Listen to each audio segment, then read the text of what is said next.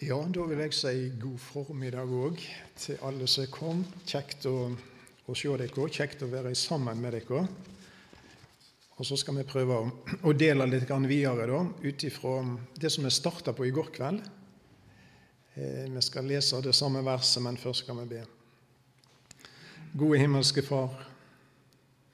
Vi takker deg fordi at vi får komme inn for de truene i Jesu navn. Du som er rik nok for alle som kaller på deg. Nå ber vi om nåde. Jeg ber om nåde til å tjene med ordet ditt, vi ber om nåde til å høre ordet ditt, og vi ber om nåde til å leve etter ordet ditt. Velsign oss, du. Amen. Vi leser igjen fra Romerbrevet kapittel 13, og vi leser vers 11. Og dette må vi gjøre av de vi kjenner tida, at timen er inne, da vi lyt våkne og svevn, for frelsa er oss nærere nå enn da vi kom til trua. Og Det er spesielt denne setningen 'da eller av de vi kjenner tida', skriver altså apostelen, så bør det gjøre noe. Altså Kjennskapet til tida skulle forårsake noen virkninger i disse skriftene. Og Det er jo litt rart å tenke på at allerede da som man snakker om å vekke folk. Eller vi må våkne. Allerede den tida jeg tenker, Da var jo alt sånn eh, herlighet og glede, og alt var vel rett og fullkomment. Og sånn. Og så snakker han her og også andre plasser om å, å våkne. Og Det er en fase som vi kan være i til alle tider som Guds folk. At vi trenger vekkelse på et eller annet eller flere områder. Men dette å kjenne tida det, det innleder vi en del om i går kveld. Også. Men jeg har jo bare lyst til å si at det er ikke et folk i denne verden som har sånn forutsetning til å kjenne tida som Guds folk. Og Det gjelder ikke bare nåtida, men det gjelder fortida òg. Og det gjelder framtida. Det er ingen i denne verden som har sånn forutsetning til å innsikt og skjønne både tida og hva vi bør gjøre i denne tida, som vi fordi at vi har ei bok vi har Bibelen, som setter oss i en tilstand og i en posisjon over alt og alle i denne verden. Av og til går folk og ser ned og liksom skammer seg med tanke på Bibelen. Du har ikke skjønt det. Vi bør rose oss av å ha en sånn bok som kan gi oss lys over ting, og som kan gi oss perspektiv på ting som ingenting annet. Og eh, Vi kunne snakket mange ting nå om Paulus' i tid, vi kunne snakke om fortid. Men det jeg har lyst til i dag, er egentlig å vende litt blikket den veien da, og se mot det som ligger framfor oss, eh, og, og spørre hva sier Bibelen noe om det? Eh, hva sier Bibelen, eller hva sier verden om framtida? Ja, de sier jo forskjellige ting, men det er da tingene kolliderer på sett og vis. Det er nå én ting, men det andre det, det, er jo det at de skjønner ikke hva de skal gjøre med den, det som ligger framfor. De, de, er uvitende både om hva som skjer, og, og om, om, hvordan de skal takle det som eventuelt skjer. Og så har vi ei bok igjen. Jeg sier igjen, vi har ei bok som hever oss over alt i denne verden. Vi har Guds ord. Og Det er altså den sikreste kjelda til alt, og det fascinerer meg virkelig. Den sikreste kjelda til å skjønne alle tider, det er Skriften de hellige skriftene. Og Da skal vi bare nett svitte innom Jesajas 46. Eh, det er et sånt eh, enormt flott kapittel, syns jeg. Eh, fullt av lærdom, det òg. Og Jesajas 46 begynner med å fortelle om to avguder. Og Det som er litt merkelig, det er jo at israelsfolket, Guds folk, de ble jo så hekta på avguder i perioder. Og Her står det om to som de var veldig interessert i. Og Den ene heter Bel, og den andre heter Nebo. Bel var krigsgud, så vidt jeg vet. Nebo var visdomsgud. Makt, visdom. Det er jo viktige ting. Og så står det, det at disse gudene ble sett på prøve på en måte. Da. Det kommer en vanskelig situasjon. Og da står det Bel sig sammen, og Nebo fell. Bileta deres vært jevna over til dyr og fe, de som det bar, vært nå lagde som ei bør på de trette dyrene. Israelsfolket hadde begynt å dyrke avgudene. Når avgudene ble prøvd, så må de reddast. De må berge avgudene. De er totalt hjelpeløse. Og så presenterer Gud seg. 'Jeg som har båret dere', og det som å bære avguder, berge avguder. 'Jeg som har båret dere fra først av, og skal bære dere til de grå hår'. Og så kommer du ned til vers 5. Hvem vil det ligne meg med? Ja, det er et godt spørsmål. Ta en gudetest. Hvem vil det ligne meg med? Og setter meg jamsides med, hvem vil det sammenligne meg med, så vi skulle være lik? Ja, kom med Muhammed, og kom med Buddha, og kom med hele bunten av guder, avguder og halvguder. Hvem vil det ligne meg med, sier Gud. Og så kommer det til vers 10. Jeg som fra opphavet, jeg som fra begynnelsen forkynner enden, og fra fordums tid det som ikke har hendt. Kan Muhammed det? Kan Buddha det? Kan de andre avgudene stå før noe har skjedd, og forkynne gjennom hele historien det som skal skje til slutt? Jeg forkynner enden ifra begynnelsen. Gud er suveren. Gud er unik. Min Gud er annerledes. Det er ingen å sammenligner han med. Og han er en kontrast til avgudene. Og Hvis du leser Salme 115, så presenterer Gud avgudene, og det kan du lese med stor fornøyelse. De har munn, men de, de taler ikke. De har øyne og ser ikke. De har hender, men de virker ikke. De har født, men de går ikke. De er totalt hjelpeløse, og sånn blir de som setter sin lit til det. En avgud vil ikke, vil ikke hjelpe en karmøying når han står framfor Gud en dag. Vel, Gud forkynner enden. Og nå det er graut klokka ett, altså, men her, her er utfattelig mye å, å, ta tak i. Eh, for det første, det kommer en ende. Ja, det er ikke alle som liker det heller, vet du. Men i forbegynnelsen av forkynner Gud en ende. Det blir slutt. Gud ser et punktum en dag. Uansett hva folk sier, hva de tenker og hva de liker. Uansett hva demokratiet sier. Gud har sagt det kommer en ende. Himmel og jord skal få gå. Jord er spart til elden osv. Det er masse sagt om det. Og denne enden, sier Gud, vil medføre enorme forskjeller. Du, du hørte igjen hva, hva, Paulus skrev i Romerbrevet 13, sant? vers 11. Eh, frelsa er oss nærmere nå enn da vi kom til trua. Hva venter jeg på når jeg ser framover mot enden? Jeg venter på frelse. Men Bibelen er klinkende klar på det at enden for mange andre vil medføre noe helt annet. Men Det har vi heller ikke tid til å snakke om i dag. Men Bibelen er klinkende klar, og det er ingen som har snakket så mye, ingen predikant som har snakket så mye om fortapelsen som Jesus. Men det vil de ikke ha. Men Bibelen er klar. Jesus er klar. Det kommer en ende, og enden blir forskjellig. Og Så forteller altså da Bibelen også en god del om denne tiden, endetiden, hvordan den kommer til å arte seg, hva som kommer til å prege den. Og Da blir jo det store spørsmålet hvordan blir endetiden? Og Da registrerer vi at den bekjennende kristenhet den deler seg i mange retninger eh, angående forståelse av endetiden. Og eh, er, Når det gjelder noen detaljer, så er det altså strømmer i ulike, veldig mange forskjellige retninger hvor vi skal forstå enkelte av disse tingene. Eh, og jeg er ikke fullkommen på noen som helst måte, heller ikke som predikant. Og det kan godt hende jeg oppfatter ting feil her. Eh, det må bare være kritiske til meg. Det må bare si, altså Hvis han og predikanten sier noe som ikke stemmer med Guds ord, så er jeg veldig takknemlig for å bli korrigert. Og jeg, jeg, innser at vi kan ha ulike oppfatninger på mange ting når det gjelder dette. Og det går godt an, det. Men eh, nå skal jeg iallfall nevne noen ting som jeg tenker i dag. Da. Og Jeg registrerer på en måte at eh, når det gjelder endetid, så er det to eh, markerte hovedoppfatninger nå innenfor den bekjennende kristenhet. Og det er det at før Jesus kommer, så vil det bli en enorm endetidsvekking.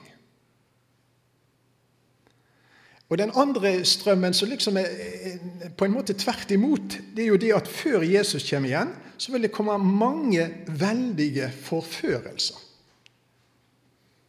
Så har du den ene sida, og så har du den andre sida. Og jeg kan jo spørre, hva syns du er kjekkest til høyre? Hvis det, er, hvis det, er, en menighet som snakker om en voldsom oppblomstring og, og en stor endetidsvekking, så kan det godt hende folk flest foretrekker den framfor å gå i en menighet der de snakker om det blir trøbbel på slutten. altså. Det blir vanskelige tider. Men spørsmålet er ikke hva folk vil ha. Spørsmålet er ikke hva folk liker. Spørsmålet er jo hva sier Skriften, hva sier Gud om disse tingene? Og det er jo det vi må få tak i. Sant? Det er det som er avgjørende for oss. La meg bare innledningsvis også presisere at Bibelen sin lære om de siste dagene, eller endetiden eller Johannes han skriver jo også om den siste timen. Altså, Dette starter allerede på Jesus' i tid. Han ble åpenbart ved slutten av tidene. Altså endetid, de siste dagene. De har vart i 2000 år, de nå. Hva tenker vi da? Ja, da tenker iallfall jeg at da må jo vi være i den siste fase av de siste dagene. Og eh, ingen jeg, det er jeg bommesikker på. Ingen har vært så nær Jesu gjenkomst som vi i dag. Ingen har vært så nær bortrykkelsen. Jeg tror på bortrykkelsen. Jeg tror ikke han har skjedd, men jeg tror han vil skje. Ingen har vært så nær bortrykkelsen som vi er i dag. Fødselsriene, syns jeg, når jeg registrerer altså Jesus sa verden skal fødes på nytt. ja, skal det bli skikkelig, så må det bli fødsel. vet du. Og verden skal fødes på nytt. Og så ser vi, iallfall jeg, jeg registrerer masse sånne fødselsved og fødselsrie. Det skjelver og rister både her og der. sånn. Jeg tenker det er fødselsrien altså i gang. Og det varsler jo da kommer det en fødsel. Fødselsriet er det ingen som liker, men eh, de ser jo fram til det som kommer etter riene. Og så kan de fryde seg igjennom riene kan de fryde seg over der er snart en baby. Der er snart et nytt liv. Vel, La oss si litt, først litt om denne store endetidsvekkelsen da, som eh, mange snakker om. Eh, jeg er litt sånn inn på nettet og greier, vet du. og eh, Inn på forskjellige sider der, inn på Facebook. Jeg må bare bekjenne, jeg er jo innpå der. òg. og litt sånn. Og Så leste jeg en artikkel en dag om en som skrev om denne veldige endetidsvekkelsen som skulle komme. En kjekk kar eh, oppriktig kar. Og så korresponderte jeg litt på nettet med han, og så sier jeg jeg syns det er veldig interessant det der eh, du holder fram her om, om denne endetidsvekkelsen og disse tingene. Men eh, jeg hadde utrolig lyst til å få noen bibelord da, som kunne dokumentere dette her. Har du funnet noen, sier jeg. Og så fikk jeg svaret med en gang. Nei, jeg har ikke funnet noen, sa han. Altså, Han mangler da bibelord for dette som han lanserte der. Eh, det er litt, litt interessant, syns jeg, bare den delen, da. Eh, men jeg ser jo at de anvender noen tekster fra GT spesielt. De snakker om Elias' generasjon. Eh, de snakker om Joel-hæren. Og de snakker om Sildi-regnet, som altså skal komme.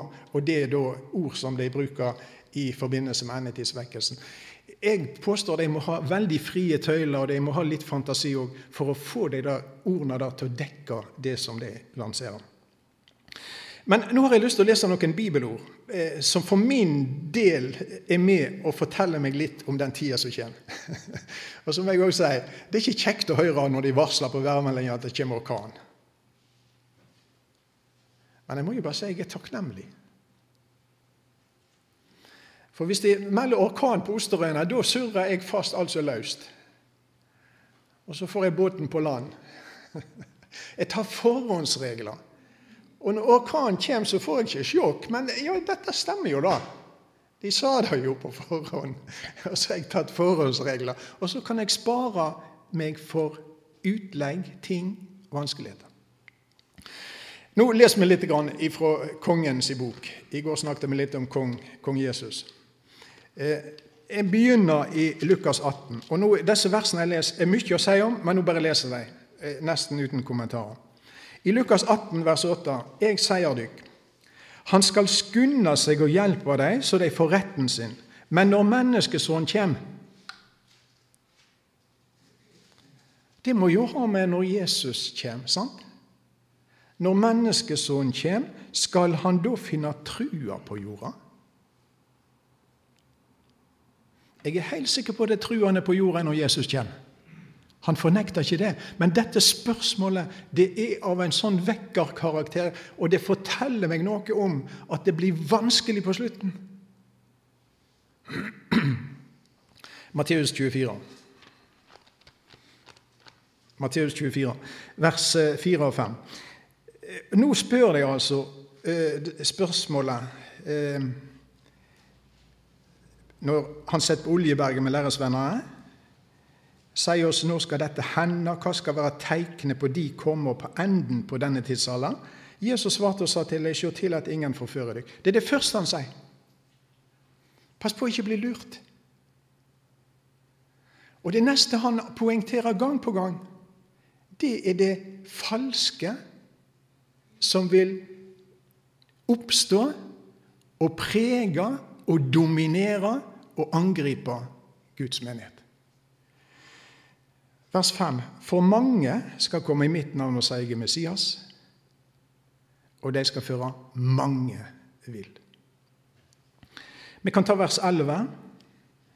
Mange falske profeter skal stå fram og si 'Jeg er en falsk profet, ikke hør på meg'. De sier ikke det. Jeg tror de tror de er rette.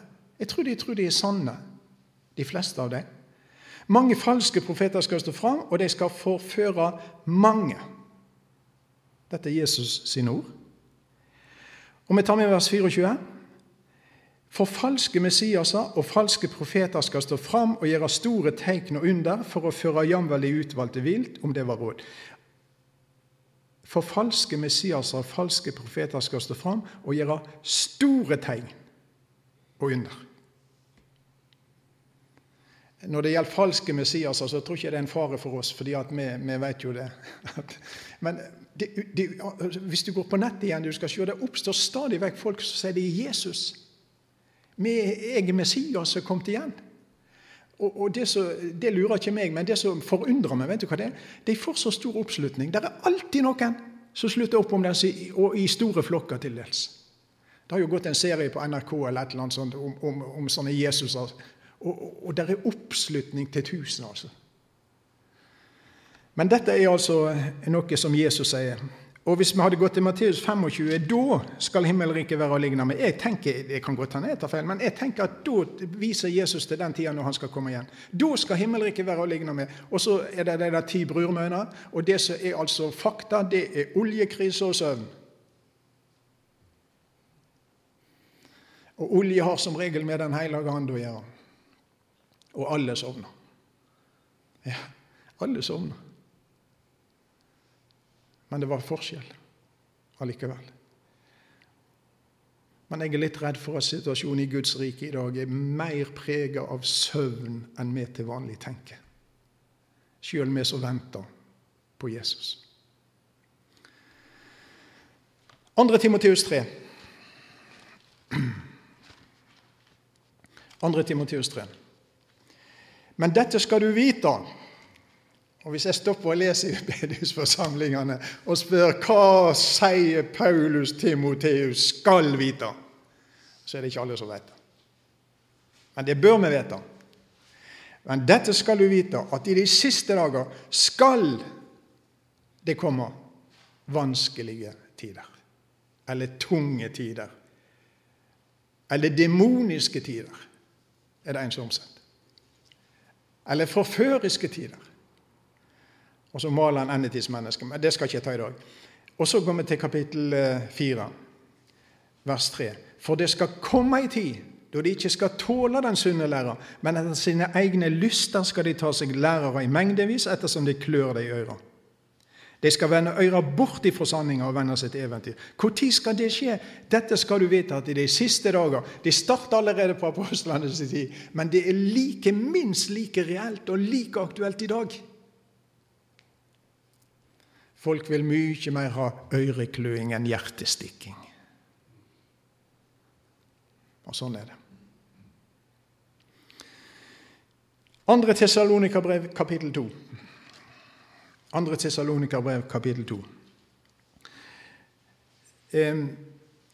Jeg leser fra vers 1.: Vi ber dykk brød når det gjelder vår Herre Jesu Kristi komme og vår samling, Johan. Ja, vi skal på samling. Og da må vi vite noe. sant? Og så sier han i vers 3.: Lat ingen lure dykk på noe vis. Altså Det var krefter da som var i sving, og det var teologi. Det var forkynnelse som forvirra det. Men la ingen lure dykk på noe vis. For først må vekkelsen. For først må fråfallet komme. Og syndemennesket blir åpenbara fortapingsrån. Jeg regner med det Antikrist snakker om. Først må fråfallet komme, skriver apostelen. Og bare hoppe innom Johannes' åpenbaring 13. Det ligger nok sikkert i en senere tid, da. men det er noe om, om, det der mennesket så du skal merke deg, dette syndemennesket i, i Johannes' åpenbaring 13. Eh, dyret, eh, vers 3. Og jeg så et av hovedene til dyret såra liksom til døden, men ulivssåret ble lekt. Det skjer et under der. Og all jorda undra seg og fulgte etter ikke lammet. Dyret. Følg meg, sa Jesus. Noen få kom. Det ser ikke ut for at Antikrist trenger si 'følg meg'. De følger han uansett. Så det blir ikke bedre, og det blir nå slettest ikke bedre når menigheten er vekke, og saltet er vekke, og lyset er vekke. Og når, når, når Gud er forkasta, og når, når Gud overgir de som forkaster han til seg sjøl, så er det ikke bunn av fordervelse og forførelse. 1. Johannes 2, 18. 1. Johannes 2, 18.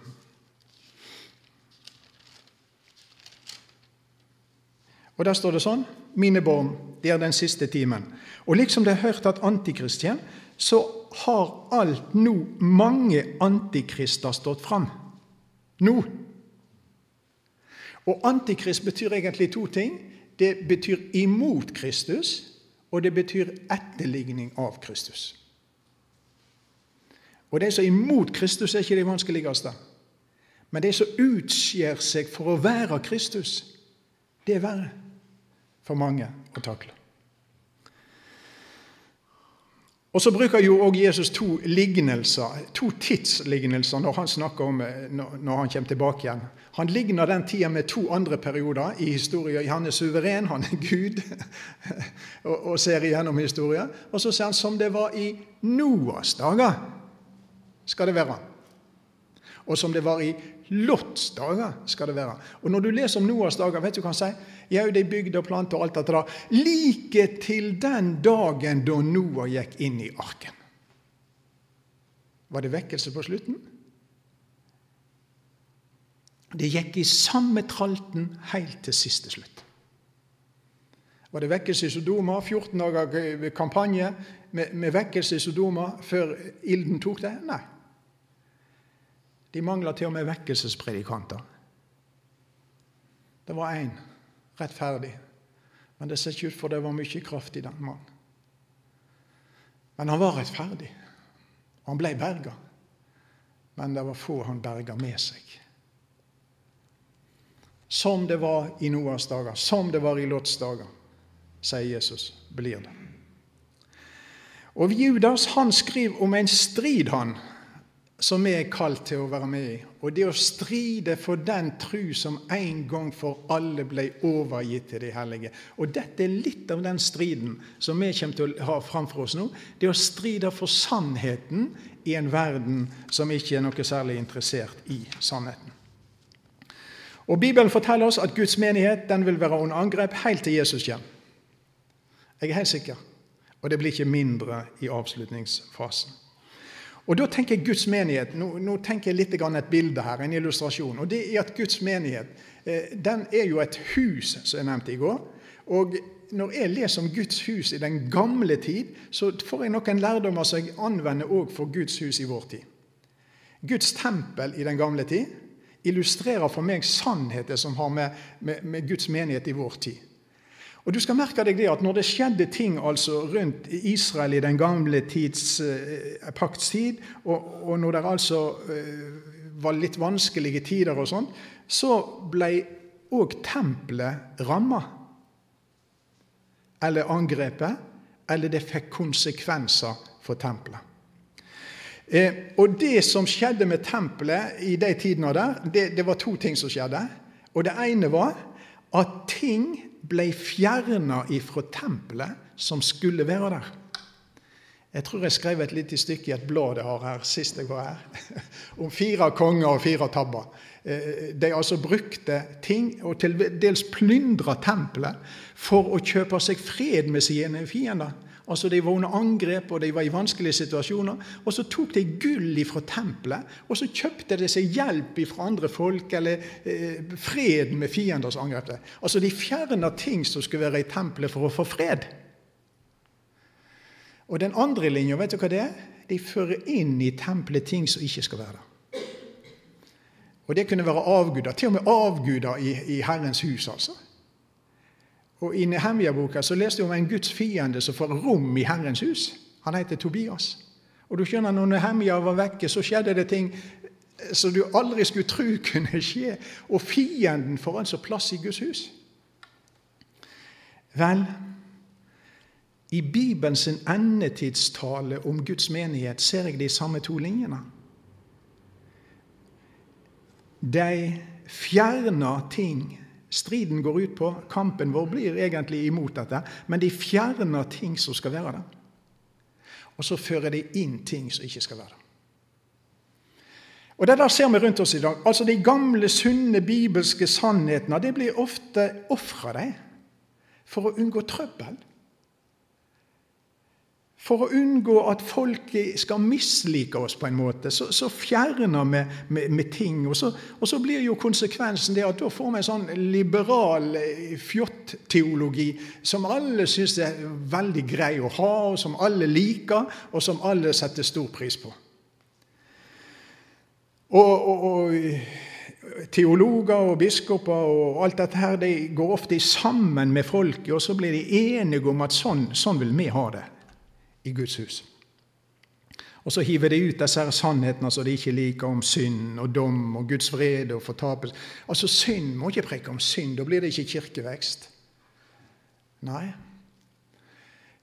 Den hellige ande, hva bruker han? Han overbeviser om synd, om rettferdighet, om dom. Må ikke preke om dom, Folk kan bli urolige. Og det er det verste som kan skje i ei sovende kirke, det er at folk blir urolige. Det er ikke bra. Så det der må det dempe ned, og så må det plukke. Og hopp og dropp. sant? Det er da bibelordene da hopper vi over, og det er da dropper vi. Vi fjerner dette, så vi ikke skal liksom bli mislikt av folk og liksom eh, på en måte støte, støte folk. Stryk det som ikke passer. I Jeremia 8 i Jeremia 8 skal du eh, merke deg en, en ting. Oi, for en mann Jeremia var. Hvis det blir god tid i himmelen, så har jeg lyst til å ha en dag med Jeremia. Utrolig fyr. Stakkars mann. At han kunne tjene så lenge som han gjorde uten å resignere eller gi opp, det er helt utrolig. Men det går an å tro når du har en Gud som Jeremia. Det er et under at Gud holdt han i gang. Det er et under ifra dag én. Og det første han får høre, han skal, skal profetere om at dommen kommer hvis de ikke omvender dere. Men i Jeremia 8, så, så, hvordan kan det si at vi er vise, og Herrens lov har vi i oss? Dette, dette er noen eh, teologer han preker til. skjønner du? Og de sier vi er vise. Og Herrens lov er i oss. Sannelig, sjå til lygn har lygnpenn åt de skriftlærde gjort henne. Altså, De har Herrens lov, og så leverer de det til de skriftlærde, og så bruker de noe som profeten kaller for løgnpenn. Og når de har brukt løgnpenn på Herrens lov, så blir den forandra. Og så blir det ikke Herrens lov lenger, men det blir Herrens lov pluss eller Herrens lov minus. ting. Du skjønner, De skriftlærdes en løgnpenn Den er ikke lagt vekk. Og de skriftlærde tolker bibelord på en sånn måte i dag at det som er gale, blir rett, og det som er rett, blir gale. Det er fremdeles pågår disse tingene. Og det blir mer av det kanskje etter hvert. Ord ifra Jesus det har med én ting å gjøre, med det å bøye oss. Og Du kan ikke si du tror på Jesus, og så ikke tror på det han sier. Ja, vi tror på Jesus. Ja, men tror, tror, du på det han sier om hva som er rett og galt? Tror du på det han sier om mennesket? Tror du på det han sier om frelse? Tror du på det han... Jeg kan ikke ta alt sånn bokstavelig. Ja, tror du på Jesus? Hvis du tror på Jesus, så må du jo tro på det han sier. Ellers helt ikke trua di. Vel, fjern det folk ikke liker. Det er en veldig enkel vei til å ødelegge seg sjøl, som Salomo skriver om i ordtøket 1313. Det er lett å huske. 1313, to ulykkestall på rad. Hvis du vanvører Guds ord, så ødelegger du deg sjøl. Og det er masse ødeleggelsesarbeid som folk driver på med i dag, også innenfor bekjennende kristenhet. Vel, fjerner det vi ikke liker. Det andre det er altså å føre inn noe i Guds hus som ikke skulle være der. Og Det var altså spesielt i åndelige frafallstider det skjedde i Israel. De førte inn ting i Guds hus som ikke skulle være der. Eh, og Så kommer Paulus til korinterne og så snakker han om det at det er mulig fremdeles. Det eh, Det kan føres inn ei ånd her som ikke er Guds ånd. Det kan føres inn et evangelium her som ikke er Guds evangelium. Og det kan føres inn en Jesus her som ikke er Bibelens Jesus. Og Problemet med korinterne var at de tålte det. De applauderte det. De var ikke kritiske. Du vet, Den største synd i dag innenfor Guds rike det er at hvis du er kritisk Ja, Problemet var at de ikke var kritiske. De godtok alt. Eller sto i fare for å godta alt. Hvis det kommer en og forkynner en annen Kristus, og applauderer det. Og Hvis de får en annen ånd, så er det kjempegreier, bare det gir deg noen opplevelser. sant? Og Hvis du får et annet evangelium som ligner litt på det du har hørt før, men som har litt til eller, eller fråtrekk, så er det jo greit. For det er jo et bra budskap. Uansett. Og eh, nå skjer det mye i vår tid, syns jeg. Og hvordan skal vi da vurdere alle åndsretninger som strømmer på nå ifra forskjellige kanter? En ting er jo dette med bibelfornektende teologi, som jeg alltid har vært inne på. Jeg tror det har med ånder å gjøre. Åndskrefter. En annen ting er jo at vi, vi, vi har en tendens til å hekte oss på, på, på verslighet òg innenfor Guds rikes arbeid. Altså verslige metoder og strategier.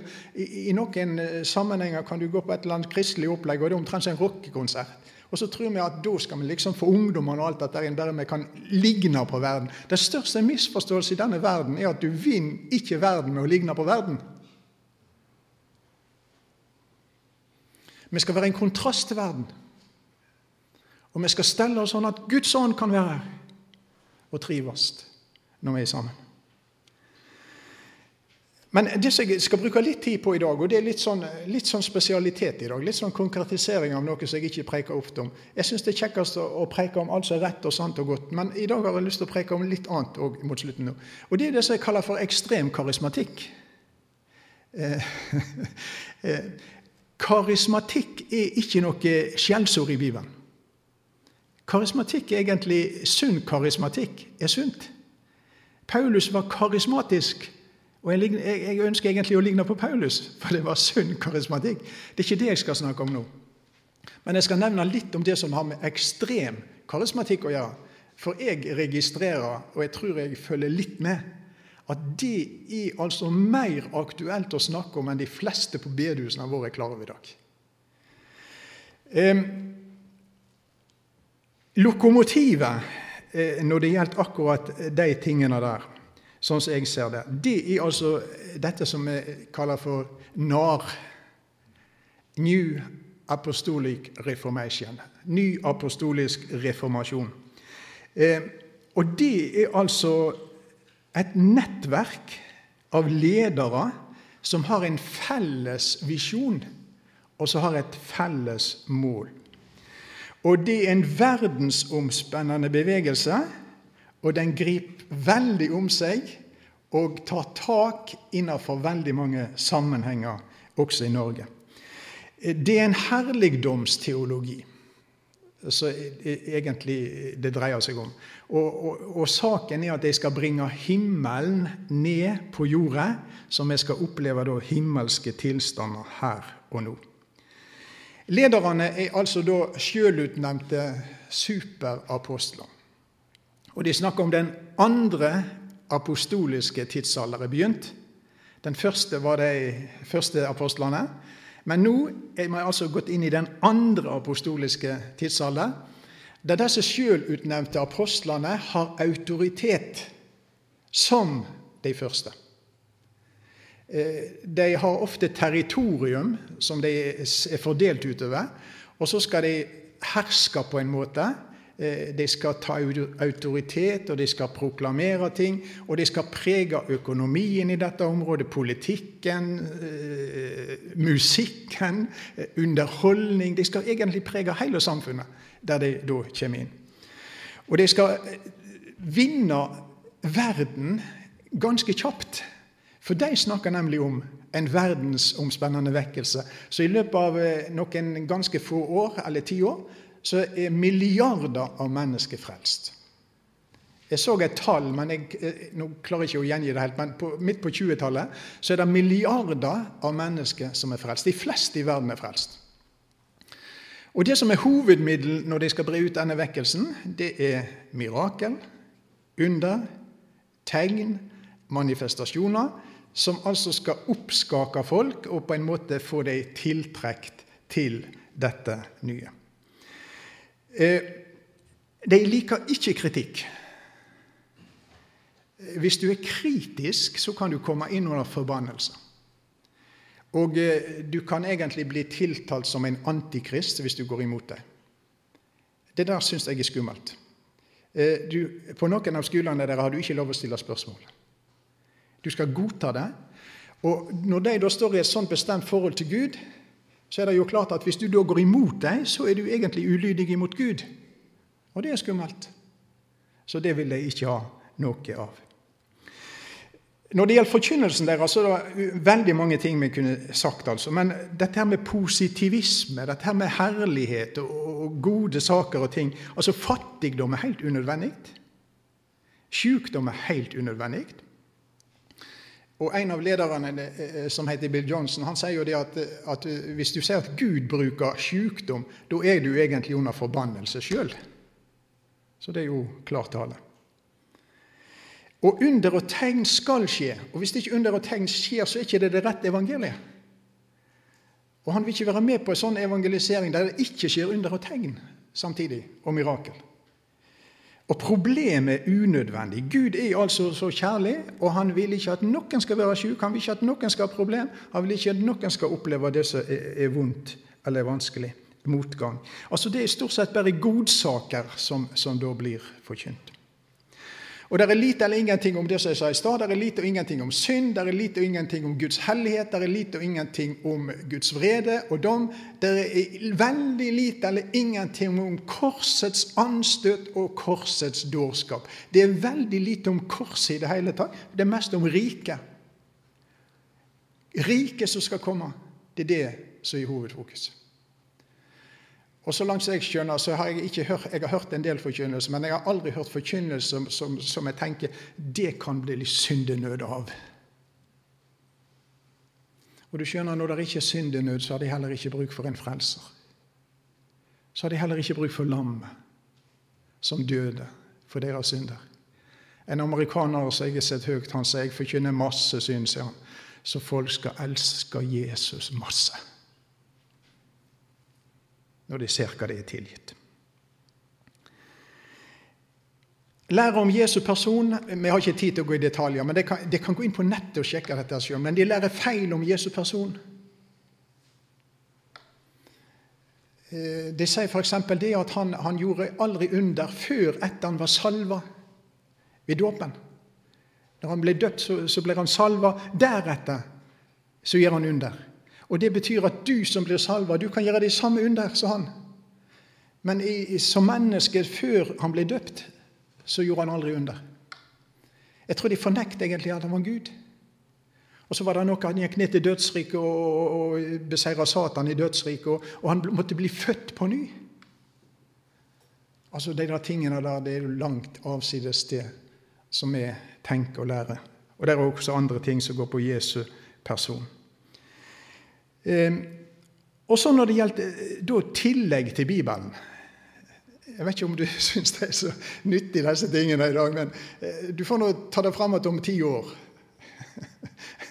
så tror jeg det er kanskje enda mer aktuelt enn i dag. Men når det gjelder tillegg til Bibelen, så skal du få et sitat av Bill Johnson, Bethel Church, eh, borte i USA. En av, en av eh, den som går i spissen her. Ingen ved sine fulle fem vil hevde at alt som står i Bibelen, er skrevet for oss i dag. Men å antyde at mer skal bli tillagt, får likevel mange til å bli bekymret. Og så skriver han slutt å bli bekymret, ellers går du glipp av det som kommer. Og Det betyr egentlig at tillegg til Bibelen, det må vi regne med. Altså Disse apostlene kan komme med tillegg til Bibelen. Og hvis du er skeptisk til det, så går du glipp av det som kommer. Og Så kan du jo spørre om du er interessert i det, da. Jeg er det. Um, ekstrem oppførsel preger en del av disse konferansene deres er en del av disse folkene som går i spissen. Eh, du kan bli drukken i ånden. Eh, da oppfører du deg verre enn en full mann på Osterøyene. Drukken i ånden. Jeg kan jo godt nevne navn, fordi dette her ligger ute på, på nettet. alt sammen. Du kan jo studere Heidi Baker når hun ligger og kryper på ei scene og snufler inn i en mikrofon når du ikke skjønner et ord. Eller Todd Bentley som sparka og slo og oppførte seg som en galning. Og Så sier de etterpå at han var i rus. Mens den Leikland-vekkelsen sto på, så var han konstant rus. Og Han ble òg utnevnt til apostel, samtidig som han lever i et utenomekteskapelig forhold til sin hushjelp. Så blir han utnevnt til apostel av de andre apostlene. Du må jo lure på ting, sant? Eller det er vel gjerne ikke så mye å lure på.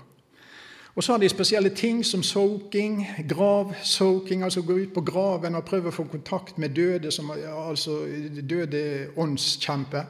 Prøve å få kontakt, så skal de tilføre deg et eller annet.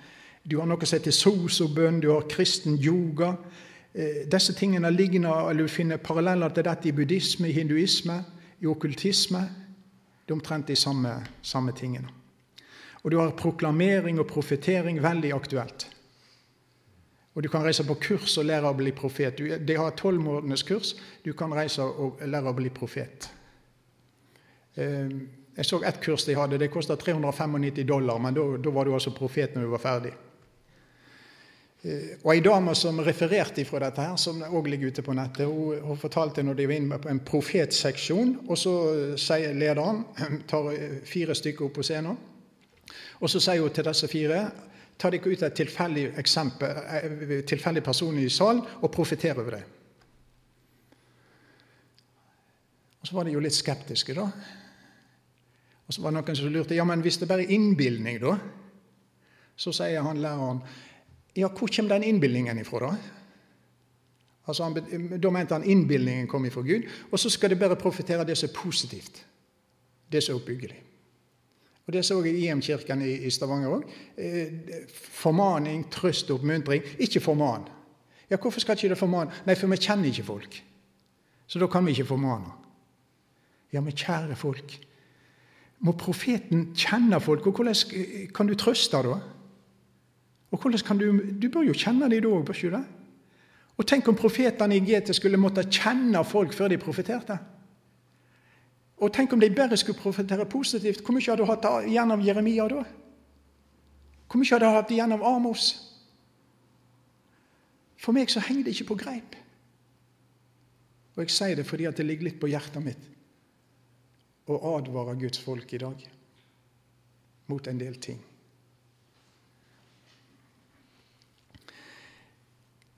Um, så sier de da òg på kursene de er på, dette skal de lære, og dette skal de ta med hjem igjen til menigheten av deres spre. De har klar beskjed om å dele dette videre ut. De har òg en ny bibel, en ny bibelomsetning som heter The Passion Translation. Um, nå skal du høre han som har omsatt denne bibelen på nytt. Jesus Kristus kom inn på rommet mitt, han pustet på meg, han ba meg, og han snakket til meg og sa:" Jeg skal bestille deg for å oversette Bibelen inn i den som, eller det som jeg gir deg å gjøre. Og Han lovte at han skulle hjelpe meg, og han lovte meg at han ville gi meg hemmeligheter for det hebraiske språket. Han pustet på meg slik at jeg skulle gjøre prosjektet. Og jeg følte at nedlastingen kom. Jeg fikk nedlastinger. Det var som om jeg fikk en chip inni meg. Jeg har en kobling inni meg for å høre ham bedre, for å forstå Skriften bedre og forhåpentligvis oversette. Så får du en ny bibelomsetning som kommer inn i, i NAR-sammenheng, som altså da heter Passion Translation. Eh, jeg antar at det er mer sukker og mindre salt. Men det som jeg spør jo etter her, hvorfor trenger vi en ny bibelomsetning? Hvorfor trenger vi nye omsetninger hele veien? Vi har jo egentlig nok, har ikke vi det? Hva er bakgrunnen for å komme med en ny, annerledes omsetning? Det er lov å spørre. Eh, når det gjelder manifestasjoner, så har du egentlig omtrent akkurat de samme i New Age. Du har det i hinduisme, og du har det i sjamanisme. Og du har det i okkultisme. Helbredelser finner du i eh, troll, heksedokter i Afrika. De er òg helbreder. Sjamaner helbreder. Andre folk helbreder òg. Farao sine trollmenn gjorde det samme som Moses gjorde, til en viss grad. Så hvis det er bare det du ser på, da kan du gå vill. Vi må se på noe mer enn akkurat det. Og eh, da sier jeg bare igjen vi har ei, ei utrolig bra bok som vi må prøve alle tingene på. Så vi går inn og se hva som står skrevet. Og så må vi innrette oss og så må vi ta vare på det. Og så må vi verve oss for kong Jesus i den striden, der altså vi skal stride for den tru som en gang for alle blir overgitt til de hellige. Vi trenger ikke noe nytt. Vi har det vi trenger for liv og salighet. Jeg har vært litt opptatt med, Absalom og, den perioden når han gjør opprør mot far sin. Det er ei scene der som er ekstremt uh, talende for min del. Og vet du hva Det er Det er altså når Absalom sier at nå skal vi samle folket til Hebron, og så skal vi ofre til Gud. Og så står det om 200 menn som fulgte Absalom til Hebron. Og så tror de de skal på gudstjenester. Vet du hva de er med på? De er med på et Guds opprør, men de visste det ikke. De fulgte i all troskyldig med, altså, for de trodde nå skal vi, Absalom skal ha stor ofring til Herren i Hebron, og vi skal gå og være med. Og så er det et enormt opprør imot Gud som pågår, som de ikke visste om. Det er masse flotte folk innenfor NAR. Det er masse flotte folk innenfor ekstrem karismatikk. Og jeg tror mange av de ikke vet hva de er med på. Og det som jeg tenker, det er at her har vi faktisk en ny misjonsmark.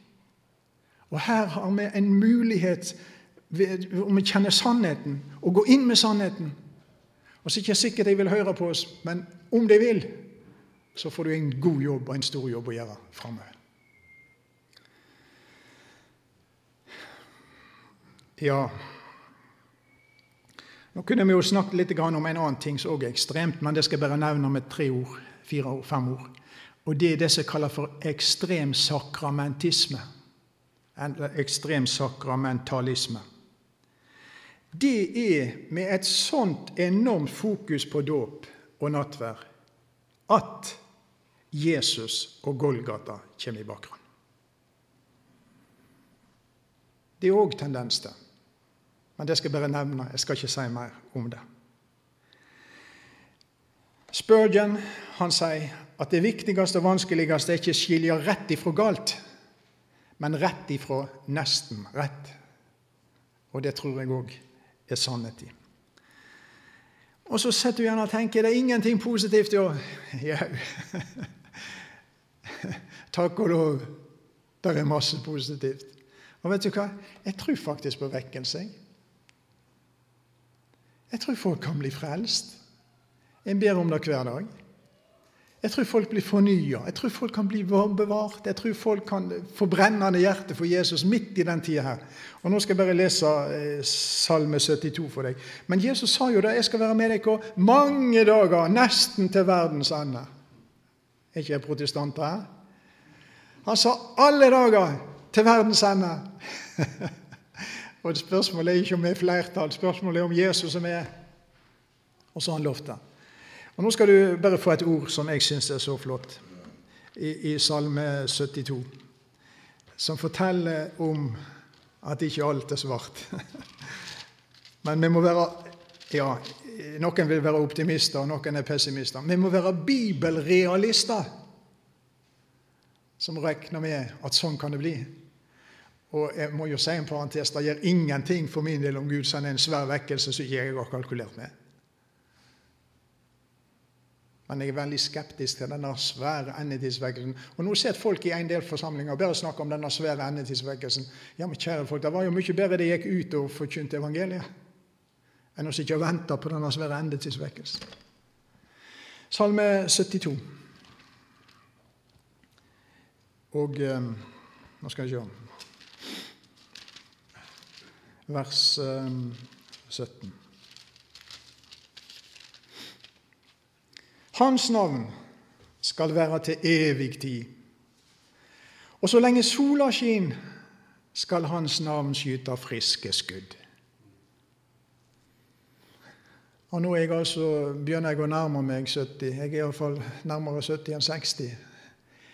Og jeg vet ikke hvor mange dager jeg har levd, men sola skinner hver dag. Sola skinner hver dag. Det er sol i dag òg. Det er sol de dagene skyene ligger tett ned og skodd og henger over fjellene og dalene og bygda. Det er sol da òg. Hvis ikke sola var der, så hadde ikke du vært her. Hvis sola var vekke, var alt dødt. Så lenge sola skinner, skal Hans navn skyte friske skudd, og de skal velsigne seg ved Han, og alle hedninger skal prise hans sel.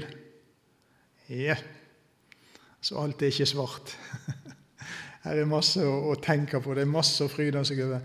Men vi må ikke sove. Du skjønner, Når du sover, så fryder du deg over ingenting. Det er en sånn tilstand du er mer eller mindre vekke. Og han ligner faktisk mye på død. Men det er noe liv, tross alt, i den som sover. Vel, det ble litt torden i dag òg, men nå, nå, skal vi si amen. Takk, Far i himmelen. Jeg takker deg igjen for denne boken med, med dette, dette, lyset. og Hjelp oss å vandre i det lyset. Hjelp oss å både høre hva du sier, og forstå det du sier, og formidle det du sier, på en sånn måte at flest mulig kan komme heilest mulig hjem. Hjelp oss å hjelpe hverandre. og Hjelp oss å løfte hverandre, oppmuntre hverandre. og Kanskje korrigere hverandre på en god måte. Sånn at vi unngår tap. Unngår å kaste liv vekk på dumme ting eller unyttige ting eller tomme ting. Og så priser vi deg og så takker vi deg for det håpet du har gitt oss. Og vi ser framover med forventning og med glede og venter på at ropet skal lyde. og du kommer, kongen kommer. Velsign deg så her i dag, og hjelp oss. Amen. Jeg kunne jo sagt for deg som er interessert her òg, at uh, det ligger masse ute på, på nettet, uh, forskjellige sider. Og det er ei side som heter Støttegruppe for de som er kommet ut av Nav og uh, Kulandini. Det er denne ånda i India som ligner veldig på, på det som vi nå ser i ekstrem karismatikk. Og der blir det lagt ut en god del vitnesbyrd fra folk som har vært med i dette, men som har kommet ut av det. Og det er veldig interessant å lese. Og felles vitnesbyrder for mange av dem det var at de ble så overopptatt med det overnaturlige at Jesus på en måte kom aldeles i bakgrunnen. Og det så de og skjønte det etter hvert. Folk var bare opptatt med disse svære opplevelsene og dette overnaturlige som skjedde i møtene, og det var det de egentlig søkte. Og Så kommer de til sannhetserkjennelse, og så går de ut av det. Men så har de veldig sterke vitnesbyrd. Så hvis det er interessert, så kan det godt gå inn på den gruppa der. Hun som administrerer den, hun var, hun var i Levenord i Bergen i ti år. Med Enevald Flåten og, og, og de tingene der. Og hun er veldig klar på at dette var villfarelser. Og, og, disse folkene sier der gikk kanskje 10 og 15 og 20 år av livet vårt på de tingene der. Bare så de er klar over det. Eh, så dette blir brennbart, og dette blir mer brennbart etter hvert. Eh, I Norge så er det eh, menigheter som lanserer det og åpner opp for det. Veldig vide dører. Konferansene blir, blir, sendt ut over hele Norge og Europa og Skandinavia gjennom Visjon Norge og, og Hanevold og de tingene der. Dette er sånn som folk bør vite om. Nå har ikke jeg sagt at alt er galt med Visjon Norge. Det er masse bra i Visjon Norge.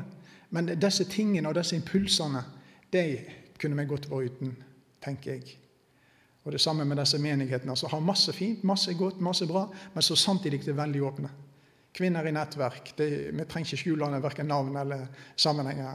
Men vi trenger kanskje fortelle folk hva det, hva det, dreier seg om. Alt er ikke galt i kvinner i nettverk heller, men det er en av de, de som åpner opp for disse tingene. Ja. Det var det.